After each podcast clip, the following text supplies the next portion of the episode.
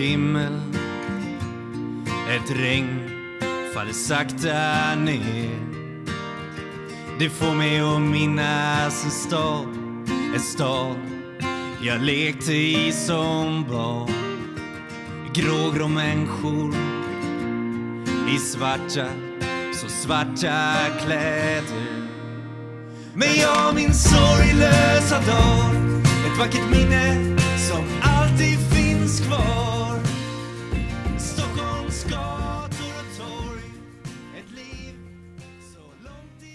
Ja, hej och välkomna till Beroendepodden avsnitt 54. Mitt namn är Anneli. Välkommen till er som lyssnar för första gången och välkommen tillbaka till er andra. Det här är en podcast om alla olika sorters beroende, missbruk, medberoende och psykisk ohälsa. Och jag som driver podden är en beroendemänniska och min huvuddrog är alkohol så jag lever som nykter alkoholist sedan nio och ett halvt år tillbaka. Eh, ja, vi, jag har haft avsnitt eh, där vi pratar om spelberoende och har ett nytt avsnitt som jag släpper om några veckor om spelberoende. Sexberoende, eh, datamissbruk, sockerberoende. Jag har haft lite avsnitt om ortorexi, anorexi, alkoholism, narkomani, kriminalitet. Ja, vi pratar om allt i den här podden. Så eh, har ni missat tidigare avsnitt så bläddra igenom dem. Eh, avsnittet, där drar jag den korta snygga versionen av mitt liv om man vill veta mer om mig. Eh, Beroendepodden finns på Facebook och Instagram och eh, jag är jätteglad för alla som sprider podden på sociala medier. Vill man komma i kontakt med mig så går man in på Beroendepoddens hemsida. Eh, och där finns det en mailadress. Så eh, där, det är bara att mejla. Jag svarar så fort jag kan. Jag får eh, dagligen mail så det kan ta några dagar innan jag svarar för jag har eh, mycket att göra. Men jag svarar som sagt alla så fort jag kan. Och varje vecka, det är helt fantastiskt. Varje vecka får jag mejl från människor som har blivit nyktra och drogfria sen de faktiskt kommit i kontakt med podden. och eh, det är, ja, det är helt fantastiskt. Eh, verkligen, ni är asgrymma. Eller alla ni som lyssnar på podden är asgrymma. Och eh, det finns hjälp att få. Många hör av sig till mig och jag slussar folk vidare. Så det är liksom, har ni frågor så det är bara att mejla. Jag svarar så fort jag hinner. Eh, ja, hur vill, om, man vill, eh, om man gillar podden så får ni gärna stötta den. Det behövs. Jag jobbar ju med det här eh, typ ideellt på heltid så det vore bra med lite stöd. Och det står också på hemsidan hur man gör. Eh, det är, eh, finns olika sätt att stötta podden. Frivilliga gåvor. Eh, men sen kan man också gå in och anmäla sig till Flatenloppet som går 15 september som är 5,8 kilometer runt Flatensjön och vi springer för att bryta tystnaden kring beroende, missbruk, medberoende och psykisk ohälsa. Jag eh, kan garantera en fantastisk dag. Det har det varit alla år. Så in och anmäl er. Man måste absolut inte springa. Man kan gå, jogga, rulla. Jag vet inte, folk med barnvagnar brukar vara där. Eh, Arne, 94 år med rullator, har varit med två år på raken. Så alla kan vara med. Och känner man att man kanske vill vara delaktig och inte eh, gå runt på loppet så söker jag självklart funktionärer. Så det är bara att höra av er om ni vill finnas där på plats och hjälpa till. Eh, ja, och eh, fått frågan. Jag brukar glömma att säga det, men musiken jag hör i början och i slutet på poddavsnitten är ju Erik Bring. Han är asgrym. Det finns ett, även ett avsnitt med honom i podden där vi pratar om psykisk ohälsa, hans resa. Eh, Erik Bring, han finns på Spotify och eh, det är bara att leta upp honom där. Han har jättemånga fina låtar. Dagens avsnitt eh, har jag med en fantastisk kvinna som lever som nykter alkoholist men också som nykter arbetsnarkoman. Eh, det är, ja, nej jag ska inte prata så mycket mer. Jag släpper in dagens eh, fantastiska människa istället. En dyster T-baneperrong Ett liv inrutat i betong Stäng ut det andra med musik Fokusera Ja, hej och välkommen till Beroendepodden To- Tove Höglund. Tack så mycket. Eh, kul att sitta här med dig. Vi, har ju, vi känner ju varandra Ja. sen eh, tidigare. Men nu är det fyra och ett halvt år sedan vi sågs Mm. ungefär. Och du lever ju som nykter alkoholist sen 12 och ett halvt år tillbaka. Ja. Mm, det var ju så vi lärde känna varandra när jag kom där ny, nykter och Ja. inte vad är det här för kvinna. Eh, men, och det här eh, avsnittet ska handla om dig och din historia och hur det såg ut och vad som hände och hur det ser ut idag också. Eh, men du lever också som eh, nykter arbetsnarkoman. Ja. Och det tycker jag är jätteintressant för att det var ju någonting som hände i din nykterhet när du Ja. hade varit nykter i flera år. Eh, från alkohol. Ja, precis. Så, så du ska få börja berätta lite vart du eh, kommer ifrån. Mm. Mm. Jag är uppvuxen i en mellanstorstad i Norrland. Mm. Akademikerfamilj, kärnfamilj, mamma, pappa, storebror. Medelklass. Mm. Inga liksom, nej men en, en helt vanlig Svenssonfamilj liksom. Mm. Ehm, och vi har alltid haft, jag har alltid haft allt. Vi har haft liksom kärlek, vi har haft pengar, vi har haft det gott. Mm. Men i skolan har jag alltid känt att jag inte riktigt har passat in bara så som jag är. Jag har alltid varit för mycket, jag har tagit för stor plats eller jag har varit för känslig, jag har varit för smart, jag har varit men för mycket av allt hela tiden. Jag har alltid fått höra liksom, "Ja, men du ska inte vara så känslig eller så jag har alltid känt att jag varit tvungen att ja men adjust, alltså anpassa mig för att vara, bli accepterad. Mm. Och jag har också hela tiden känt någon så inneboende längtan bort. Mina föräldrar kom från södra Sverige så det var alltid lite så här prat om att vi skulle flytta. Det var liksom med mig, för jag flyttade inte förrän jag tog studenten. Men under hela min uppväxt har den här längtan efter något nytt, något annat, något mer spännande funnits. Um, och sen så var det under ja, jag började högstadiet så började jag i en ny klass för att jag hade inte trivts med dem jag hade gått i så jag fick byta. Och i högstadiet så drack jag alkohol för första gången. Och då när jag drack så fick jag den här känslan av att ah, nu kan jag släppa alla spärrar. Nu, nu behöver inte jag bry mig om vad de tycker om mig eller vad de tänker om vad jag gör. Utan nu kunde jag, oavsett hur full jag var, så kunde jag ändå skylla på alkoholen för att få vara som jag var. Mm. Och det var en sån otroligt härlig känsla. Så jag var 14 när jag drack första gången. Ehm, och direkt i högstadiet så började jag ju söka mig. Så att jag umgicks ju bara med några av tjejerna på min skola. Och sen var vi liksom, vi var coola. Jag var de coolaste tjejerna på alla skolorna. Så vi var som ett gäng som hängde och hade så fruktansvärt roligt. Mm. Ehm, men sen så kom ju dels de här Tove en hora. Mm. För har man legat med en kille eller två i högstadiet så det var ju som en stämpel. Så det där har följt med mig och varit påverkat mig otroligt mycket. Um, så dels så började jag känna att alla tyckte att jag var... Att, Att, jag trodde att alla hade en åsikt om mig. och sen var det också så här, i jag hade ett jättekonstigt förhållande till skolan. Det var så här hatkärlek för att jag var jätteduktig i skolan och samtidigt skolkade jag väldigt mycket. Men att vara duktig i skolan, då blev det som... Det blev min liksom fasad utåt. Att så länge man är bra i skolan, då är man okej. Hur mycket man än festar eller ligger runt eller så var jag ändå liksom så här präktig på något sätt. Mm. Så det där har hängt med mig mycket i livet. Sen så hände det väldigt mycket när jag drack. Jag fick ju konsekvenser snabbt. Så ångest och också depressioner kom väldigt tidigt i livet. Och jag hade depressioner som blev liksom längre och längre.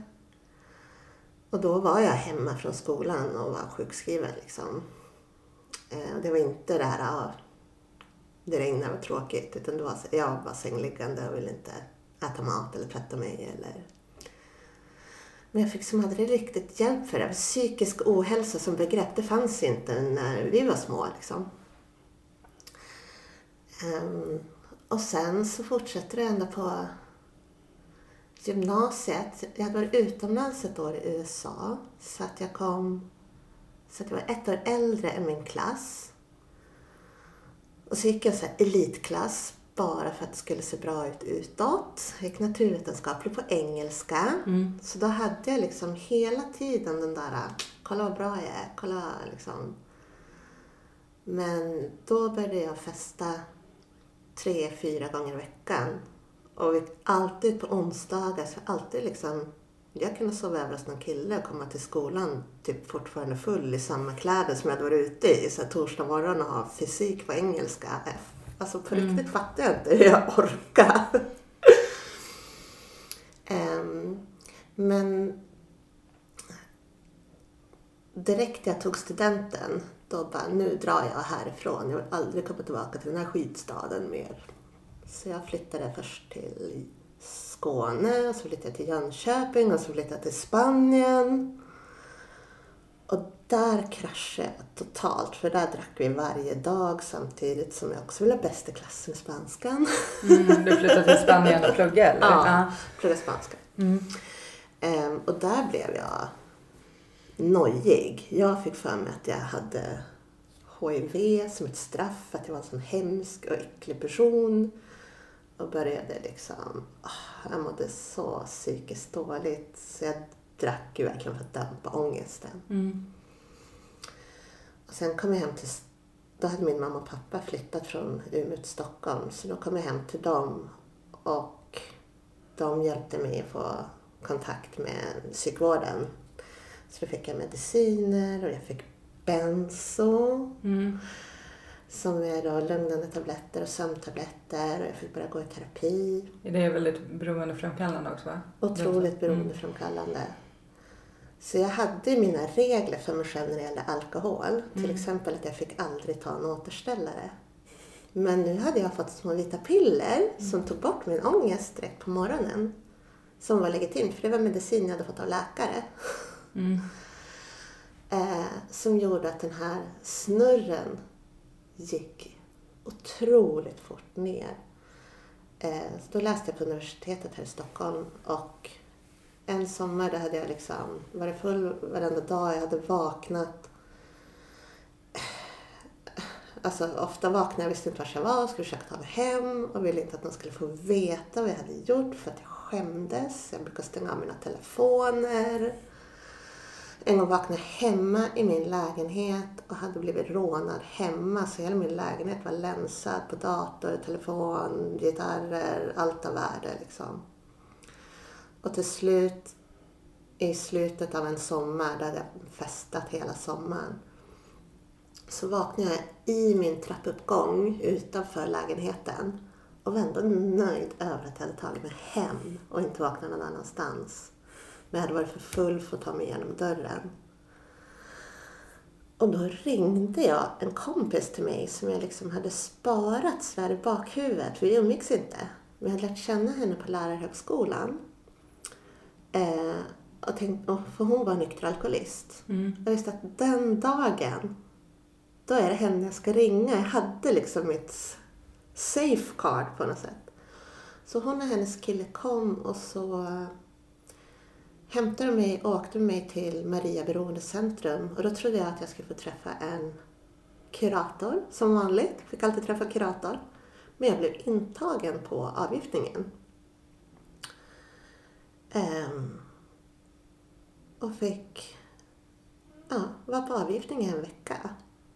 Och de som jobbade där kallade mig för alkoholist. Och jag fick dela rum med en prostituerad eh, heroinist. Mm.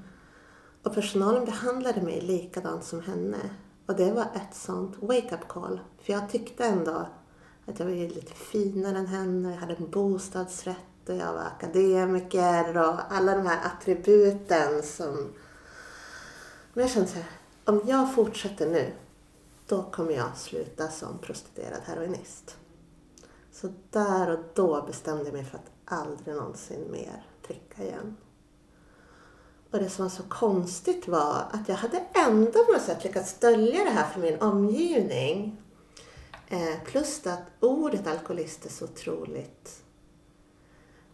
Det är liksom tabu men det är ett sånt fult ord. Det är liksom en paria på något sätt och ingen som ville ta i ordet alkoholist. Av varken min familj eller mina vänner. Som var, ja men du behöver väl inte dricka så mycket Tove eller du kan väl bara ta en vit månad eller... Så jag hade som inget stöd egentligen från min omgivning. Så jag, För du berättade... jag berättade efteråt att jag hade varit där på Maria och att jag... Ja, jag är alkoholist och nu ska jag sluta dricka liksom. Ehm, men eftersom jag hade mörkat hela tiden så var det ingen som fattade hur jäkla illa det var. Mm. Eh, jag bröt med alla mina vänner.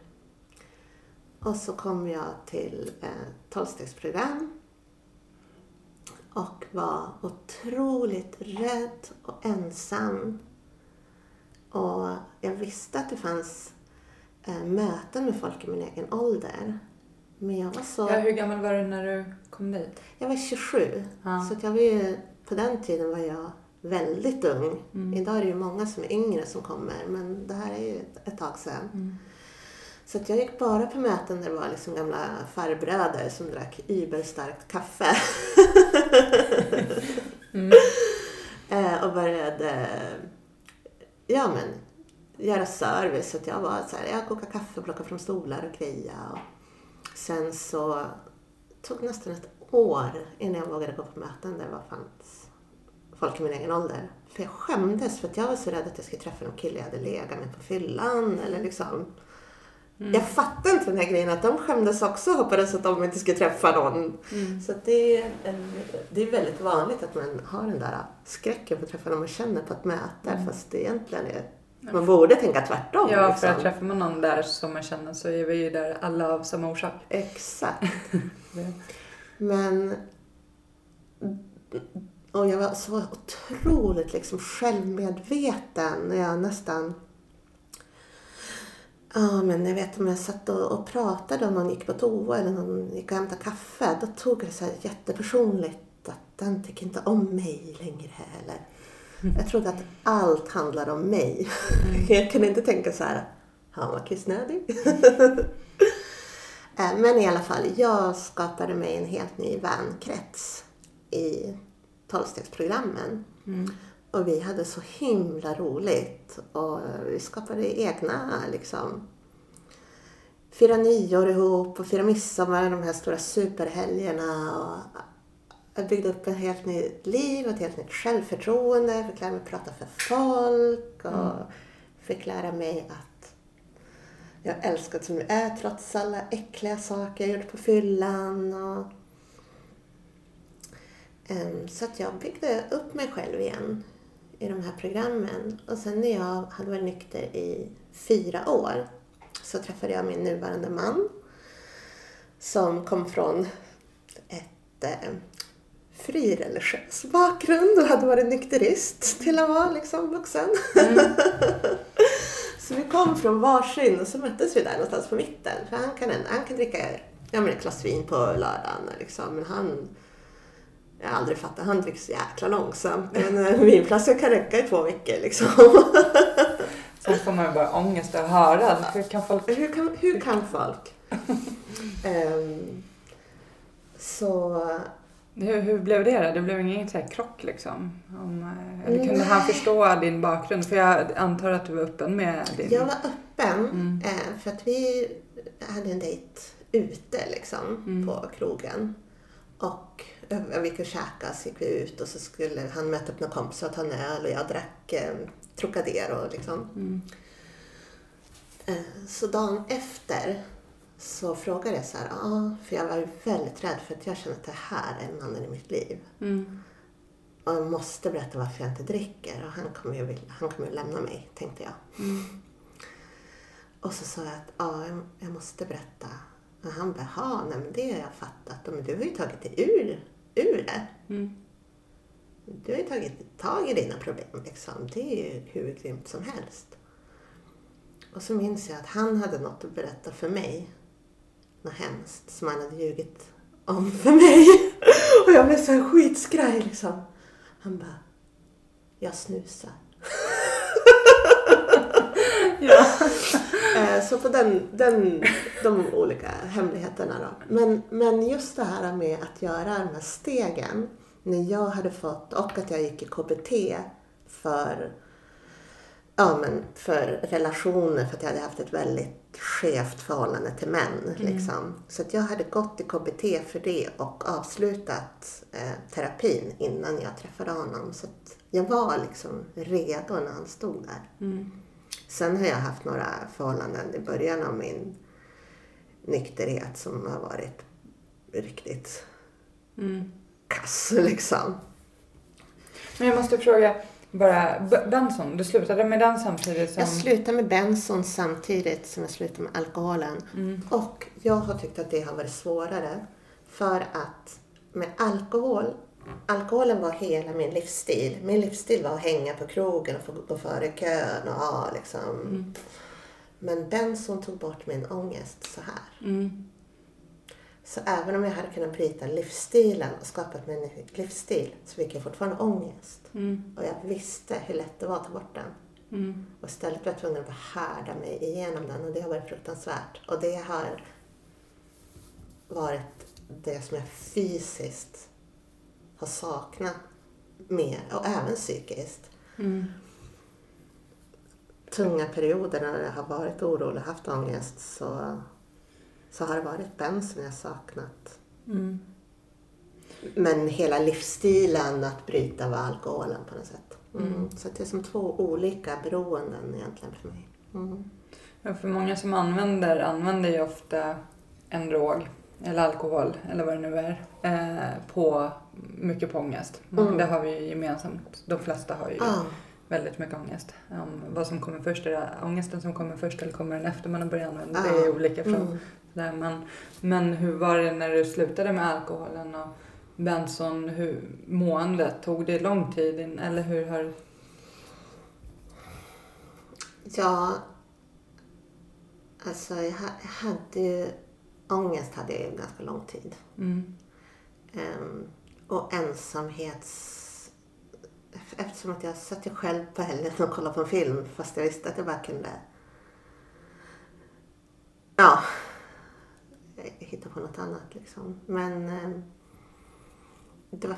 Alltså det satt kvar fysiskt benson längre. Eh, Jag kommer inte ihåg hur länge det var. Eller, jag minns inte riktigt. Början var det så mycket svårigheter så att allt går liksom in i vartannat. Och mina, liksom mina vänner och ja. Men jag hade som inte heller förstått hur stark drog benzo var under tiden jag missbrukade den Mm.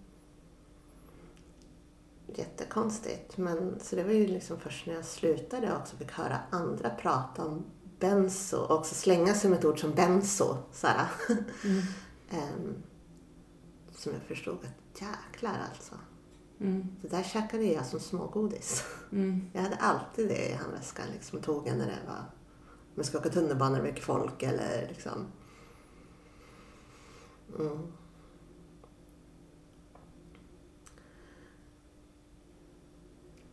Sen eh, då när du träffade din kille, Mm. då hade du varit nykter några år och Mm. drogfri. Och hur såg det ut sen då?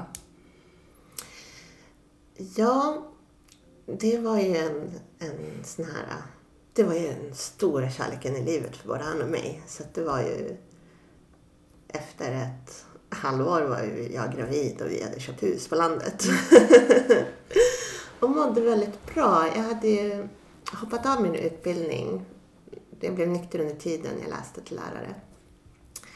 Eh, Så jag jobbade inom hemtjänsten och också som personlig assistent. Och bodde i ett jättefint hus på landet med utsikt över Mälaren. Jag hade småbarn, hade min man och livet var liksom bara helt härligt. Mm. Ehm, och ja, jag, jag tänkte att nu, alltså jag var så lycklig. Det var så flera fantastiska år. Ehm, men sen kände jag att jag ville något mer än att rent akademiskt eller rent karriärmässigt. Så då så träffade jag en kvinna som presenterade mig för network marketing. Mm. Som då går ut på att man ska sälja en produkt och så ska man rekrytera andra människor som också ska sälja den produkten. Ehm, och Lite som ett pyramidspel, eller? Kallas det det? Nej? ja, många, många säger det. Det är, ett, ett, det är ju olagligt. Så att, I den branschen försöker man ju u- komma undan det ordet. Men det, är- men det Men är, det, så att det är så det, det är liksom uppbyggt. mm. Ja. Mm. Ehm, och jag var jättebra på det. Mm. Och ehm, jag fick väldigt mycket uppskattning väldigt fort och bekräftelse för att jag var duktig. Och, och det är ju, de här företagen är byggda på att man hela tiden ska sträva lite till och så får man gå upp på scenen eller man får en resa eller man får någonting Mm. för att man presterar så att man ska prestera lite till och prestera lite till. Och jag kickade igång på det där. Eh, och tyckte det var så himla roligt. Och jag kände, för att jag har ju aldrig lyckats i karriären. Jag var ju en total failure tyckte jag. Mm. Eh, och nu plötsligt så hittade jag något jag var bra på. Jag började tjäna pengar. Ehm, så det där började snurra på. Ehm, och jag jobbade mer med, jag byggde snabbt upp ett stort team då som det heter. Och jag fick snabbt en ganska hög inkomst. Jag fick jättemycket uppmärksamhet och bekräftelse för att jag jobbade så fort. Så jag började jobba ännu hårdare. Och kunde se upp mig från mitt vanliga jobb. Och de flesta som jobbar, de jobbar ju med annat också. Så de jobbar ju på kvällar och helger. Så att jag jobbade på dagarna och så jobbade jag på kvällarna och så jobbade jag på helgerna. och, och den snurren. Jag började få så beundrarbrev. Eller beundrar-mail, messenger. Från, eh, från folk. Och jag började få jag blev lite kändis inom företaget. Och jag kickade på den här bekräftelsen så otroligt mycket. Så jag jobbade ännu hårdare. Jag gjorde ännu bättre ifrån mig. Och till slut så hade jag inte varit ledig en enda dag på tre år. Mm. Ehm, och jag hade planerat så dåligt så att jag skulle vara på en eh, gala på Grand Hotel i Stockholm. Och dagen efter, så klockan nio på morgonen eller något, så skulle jag prata på ett event i Karlstad eller Örebro någonstans. Så logistiken gick till slut inte ihop. Så jag avbokade det där eventet jag skulle prata på. Och sen jobbade jag. Jag bara la mig ner och somnade. Liksom. Och sen så har jag sovit. Sen sov jag ett halvår. Och det som hände var att jag liksom såg min karriär försvinna och jag, det enda jag var, var den personen. Jag var den här framgångsrika som hade vänt ett missbruk och blivit så framgångsrik. Det var hela min identitet. Så när det togs ifrån mig och jag inte var någonting längre så kraschade jag så totalt och så fullständigt att jag, jag stod i valet och kvalet. Ska jag supa eller ska jag ta livet av mig? Och då hade jag inte varit på något möte i tolvstegsprogram på nästan sju år. Men fortfarande liksom hållit dig nykter hela tiden? Fortfarande varit nykter Men- och, och liksom inte ens knappt tänkt på alkohol eller droger eller någonting. Mm. Men då så stod jag där och bara, jag står inte ut med min egen kropp. Jag bara måste försvinna. Jag, jag vill inte vara. Så jag tog mig, då hade jag flyttat eh, till Hälsingland, till Edsbyn, så jag tog mig till ett möte i Edsbyn. Och bara... Jag totalt bröt ihop och jag kände mig så fruktansvärt misslyckad och värdelös. Och började nysta i narkomani Mm. och började läsa och började se hur jag hade prioriterat jobbet framför min familj och framför, då hade jag hunnit få en dotter också. Vet, när min dotter var fem dagar gammal var jag på ett stort event i Göteborg och liksom blev irriterad för att hon skulle amma precis när några skulle upp på scenen.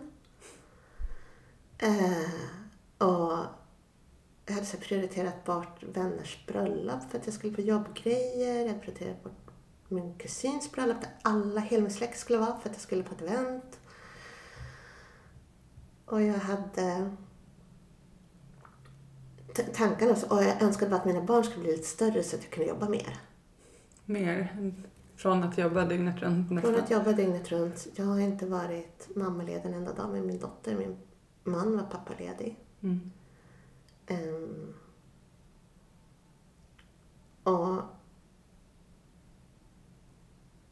det har tagit jättelång tid att förlåta mig själv för. Nu är hon två och ett halvt år. Men första året var jag knappt med henne. Hon var, jag, var, jag jobbade mycket hemifrån så att hon var i samma hus men jag, Mm. jag satt med en dator i knät hela tiden. Om jag inte var iväg på en event av något slag. Ehm. Och jag kände att jag liksom nästan missat två år av min sons barndom. Ehm. Och jag såg... Då efteråt så kunde jag se hur ja, jobbet liksom blev viktigare än allt. Jag kunde jobba en hel dag utan att käka till exempel. Jag blev inte hungrig när jag jobbade. Mm. Jag var helt inne i, i liksom jobbtankar och det första jag gjorde när jag vaknade var att kolla min telefon så hade jag fått meddelanden jag behövde svara på innan jag ens liksom klivit upp och druckit kaffe en gång. Så det lämnade ett väldigt stort tomrum på samma sätt som alkoholen hade varit hela min livsstil. Varit på krogen, varit coola tjejen som hittade på de grymmaste efterfesterna. Det var lite samma att ha varit, av, eh, vad jag nu hade för titel där och så en, den, tjejen. Och så stod jag hade inget kvar igen. Eh, så jag var sjukskriven under ett halvårs tid och gick på möten. Mycket så tankar, vad vill jag med livet, vad är viktigt för mig? Och bygga upp mig själv igen på samma sätt som jag hade byggt upp mig själv igen när jag blev nykter. Och det var också samma, så här, jag bestämde mig för intressen jag skulle ha. Så här, nu ska jag tycka om trädgård, jag ska tycka om, för då hade vi köpt ett stort hus på landet och jag ska tycka om inredning. Och så gjorde jag det bara för att hålla mig sysselsatt. Mm. Liksom. Ehm, och att vara närvarande med mina barn. För jag kommer ihåg att jag suttit på golvet och lekt. och tänkte, hur länge måste jag sitta här innan jag kan gå igen? Mm. För jag måste göra det här och det här. Och också att inse att jag hade fallit in i ett missbruk trots att jag varit nykter så länge, trots att jag visste vad missbruk var, trots att jag hört andra på möten komma tillbaka efter att ha gått in i arbetsnarkomani, så gjorde jag det själv ändå, trots att jag visste bättre. Så att det handlade inte egentligen om vad man vet eller inte vet, utan det handlar om att ta hand om sin sjukdom Mm. Så man inte blir sjuk. Mm. Eh, Och det har varit otroligt viktigt uppvaknande som har varit väldigt smärtsamt. Ehm,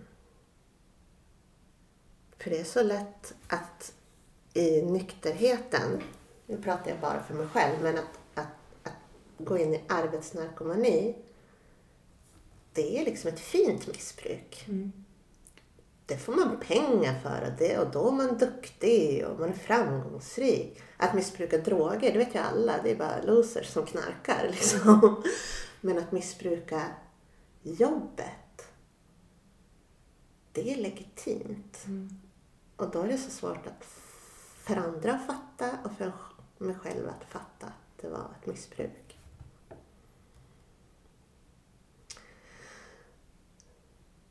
För, för mitt syfte med att arbeta så mycket var ju att höja mig själv. Ja, för du berättade ju mm, innan vi började spela in hur mycket du tjänade i slutet. Ja. Och det är ju väldigt bra. Mm. Ehm, och du hade ju egentligen kunnat jobba en fjärdedel alltså, av det du gjorde. Men du valde ändå liksom att hela tiden prestera mer och mer och mer. Mm. Och jag var inte nöjd med det. Jag tjänade, trots att jag tjänade så himla mycket. Utan jag ville bara tjäna mer och mer och mer.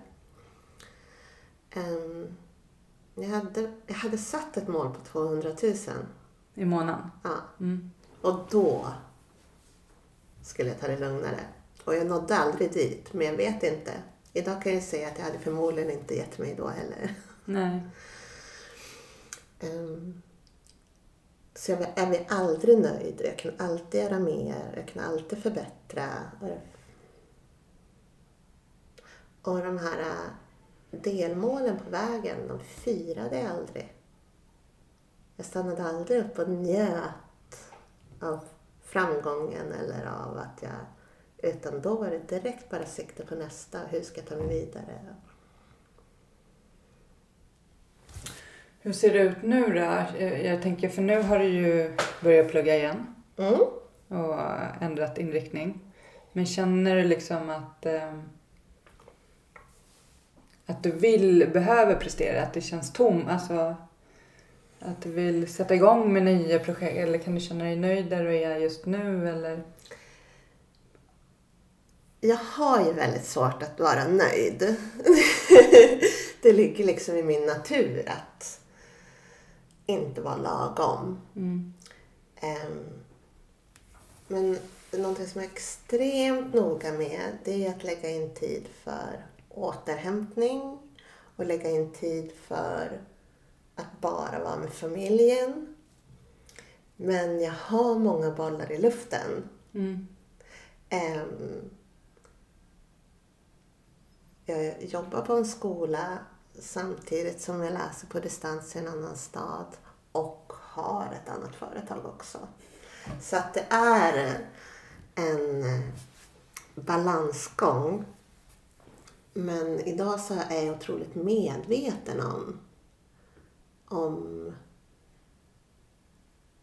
eh, jag är liksom medveten om mina tankar på ett annat sätt.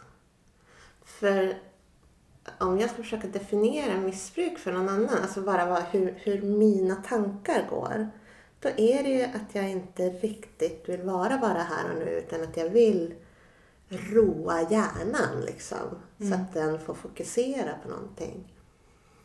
Ehm, men jag har inte alls den här prestationsångesten. Alltså jag kan vara så här, oj nu har jag inte förberett den här lektionen så bra, men det blir säkert bra ändå. Eller oj, jag glömde att jag var bussvakt, men ja, ja, skitsamma.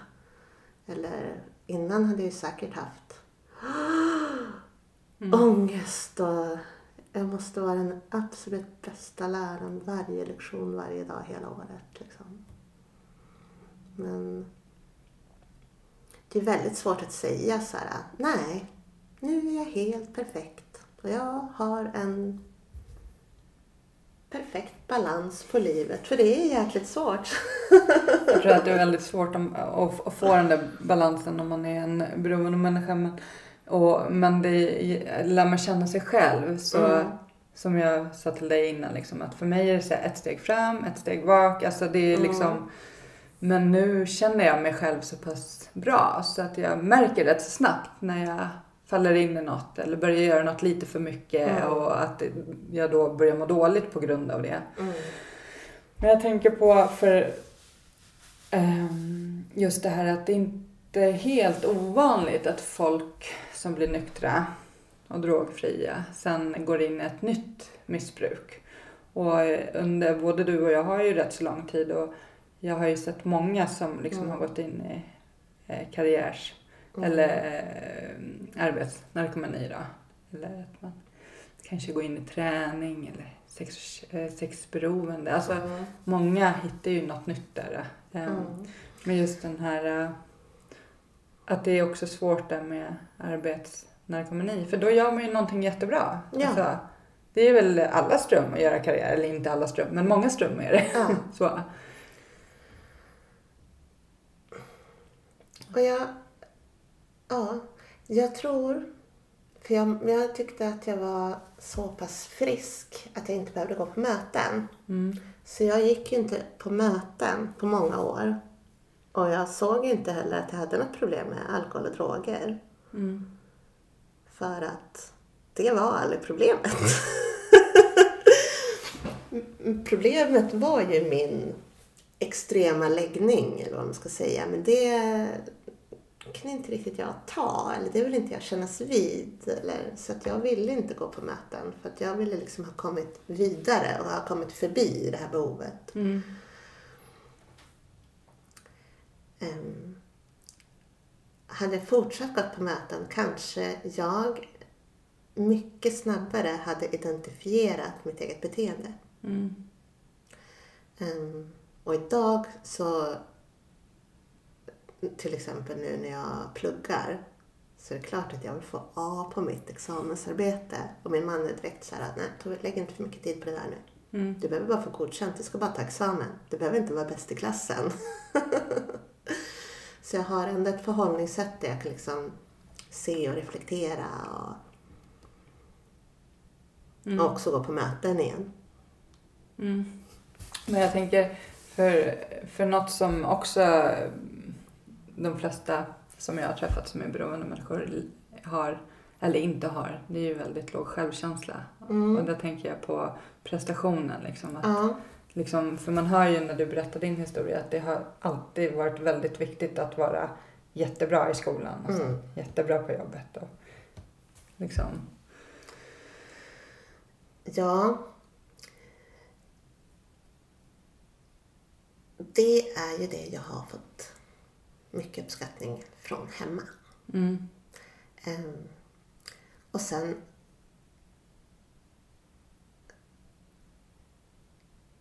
så... Och jag har alltid haft väldigt höga krav på mig själv. Ehm, och det har ju såklart med självkänsla att göra. Och jag tror att just skolsjälvkänslan det hängde så mycket ihop med att det var alltså det var fasaden. Så länge jag var bäst där, då var det ingen som kunde slå mig på fingrarna. Lite, lite det här med att göra karriär. Så länge jag var bra där, då var det liksom...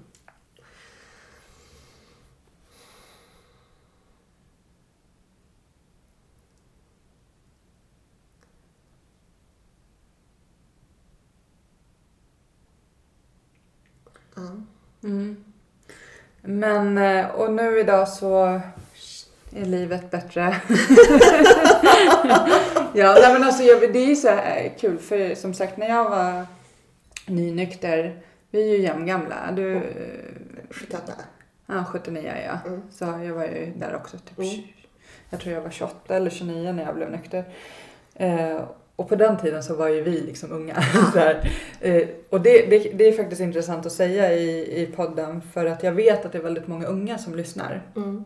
Eh, och till er som är unga och lyssnar, eh, ni är inte själva om ni har ett eh, beroende och eh, behöver hjälp. Det finns jättemånga som är väldigt unga Ja. som får hjälp redan i 18-årsåldern. Ja. 17, alltså, Mm. Ehm, och det är, det är otroligt fint att se eh, folk som lyckas ta sig ur tidigt. Eh, att ta sig ur är ju bra, det spelar ingen roll vilken ålder det är, men det, det är ju superfint att se när man är väldigt ung och lyck- lyckas. Mm.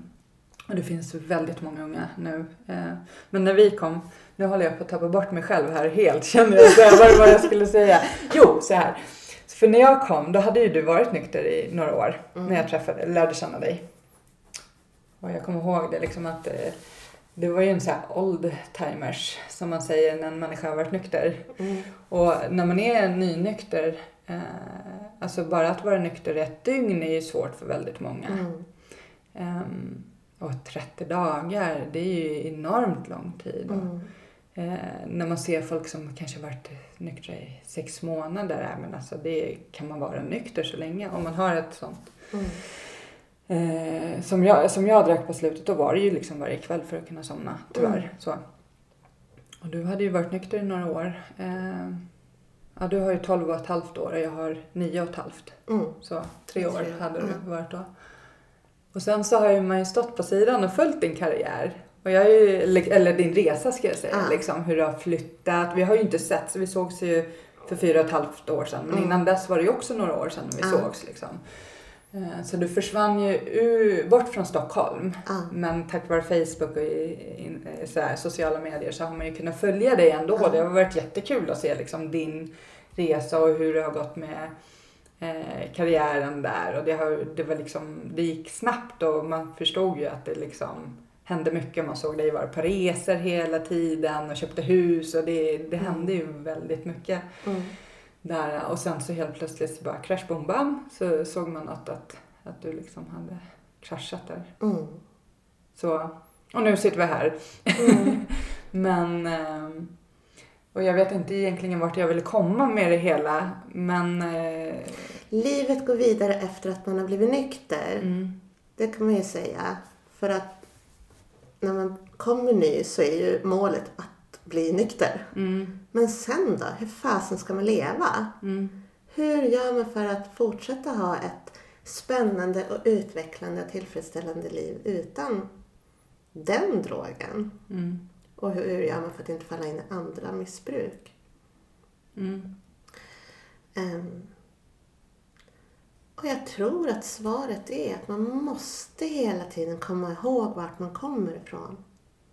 Och att man har den här sjukdomen, eller om man vill säga läggningen, eller att man måste vara på sin vakt lite grann.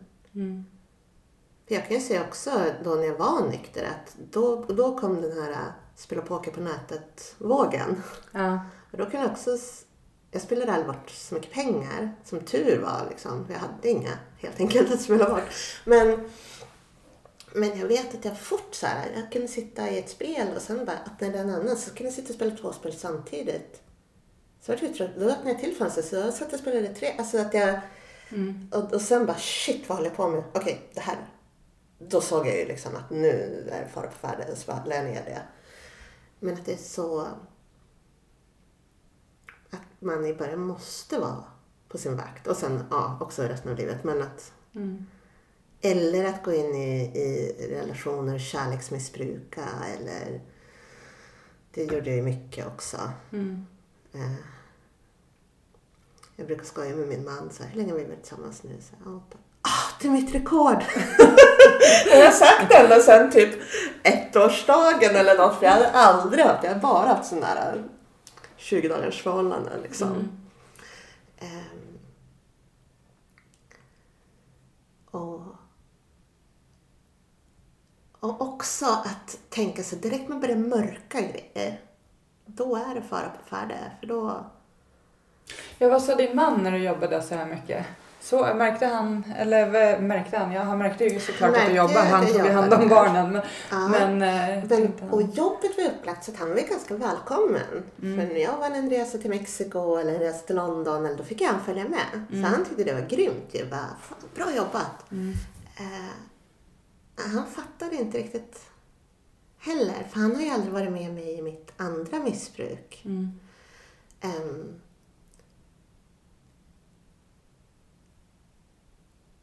s- nej.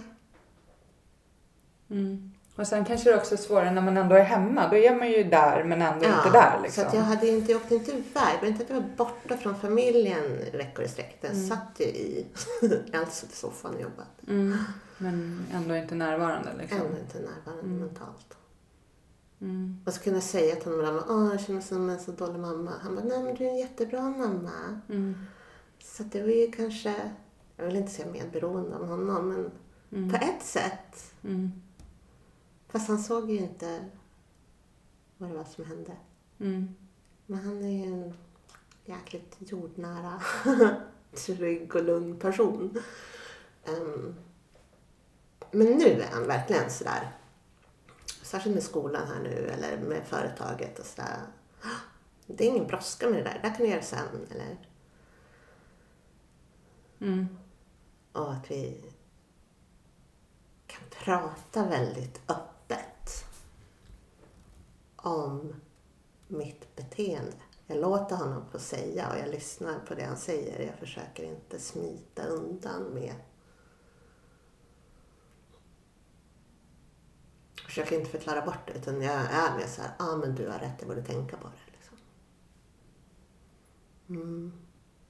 Har, har du gått på något på, för det finns ju tolvstegsmöten för eh, eh, om man har eh, arbetsnarkomani. Har du varit på det? Nej, det har jag aldrig varit. Jag ska försöka leta upp en länk och lägga på hemsidan för er som lyssnar om ni känner igen er något i Ja, för din det historia. låter För det- jättespännande. För Mm. jag tror inte att det finns där jag bor. Där finns det bara... Det Mm. finns ju väldigt få möten ute på landet. Ja, men jag, Men- jag men- vet att det finns i Stockholm. Ja, det låter ju som något jätteintressant. Ja, för jag tror också att vi pratade ju lite om det också innan, eh, innan vi satte på inspelningen. Just det här med att prestationsknarka, Mm. jobb, karriär, träning. Nu har vi ju det här med ortorexi när man blir Mm. extremt hälsosam och tränar och ska äta rätt. Och, och det är liksom den här att det växer ju enormt mycket.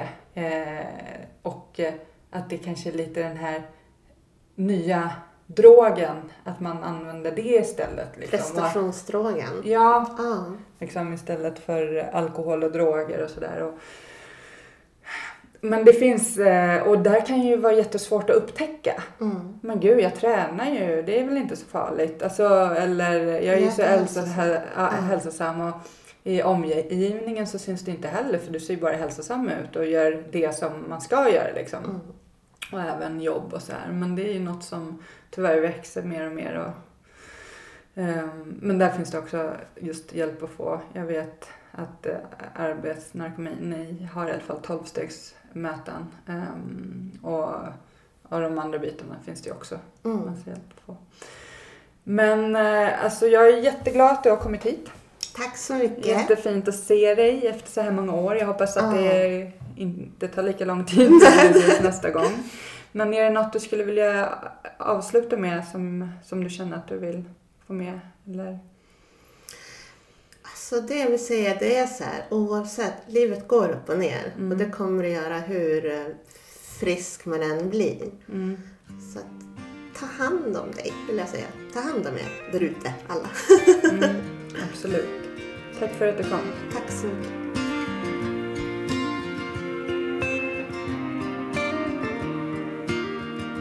Mörk himmel Ett regn faller sakta ner Det får mig att minnas en stad En stad jag lekte i som barn Grågrå människor i svarta, svarta kläder Men jag min sorglösa dag Ett vackert minne som alltid finns kvar Stockholms gator och torg Ett liv så långt ifrån sorg ba, ba, da, da. Ba, ba, da, da. Ba, ba, da, da, da, da, da, da, da.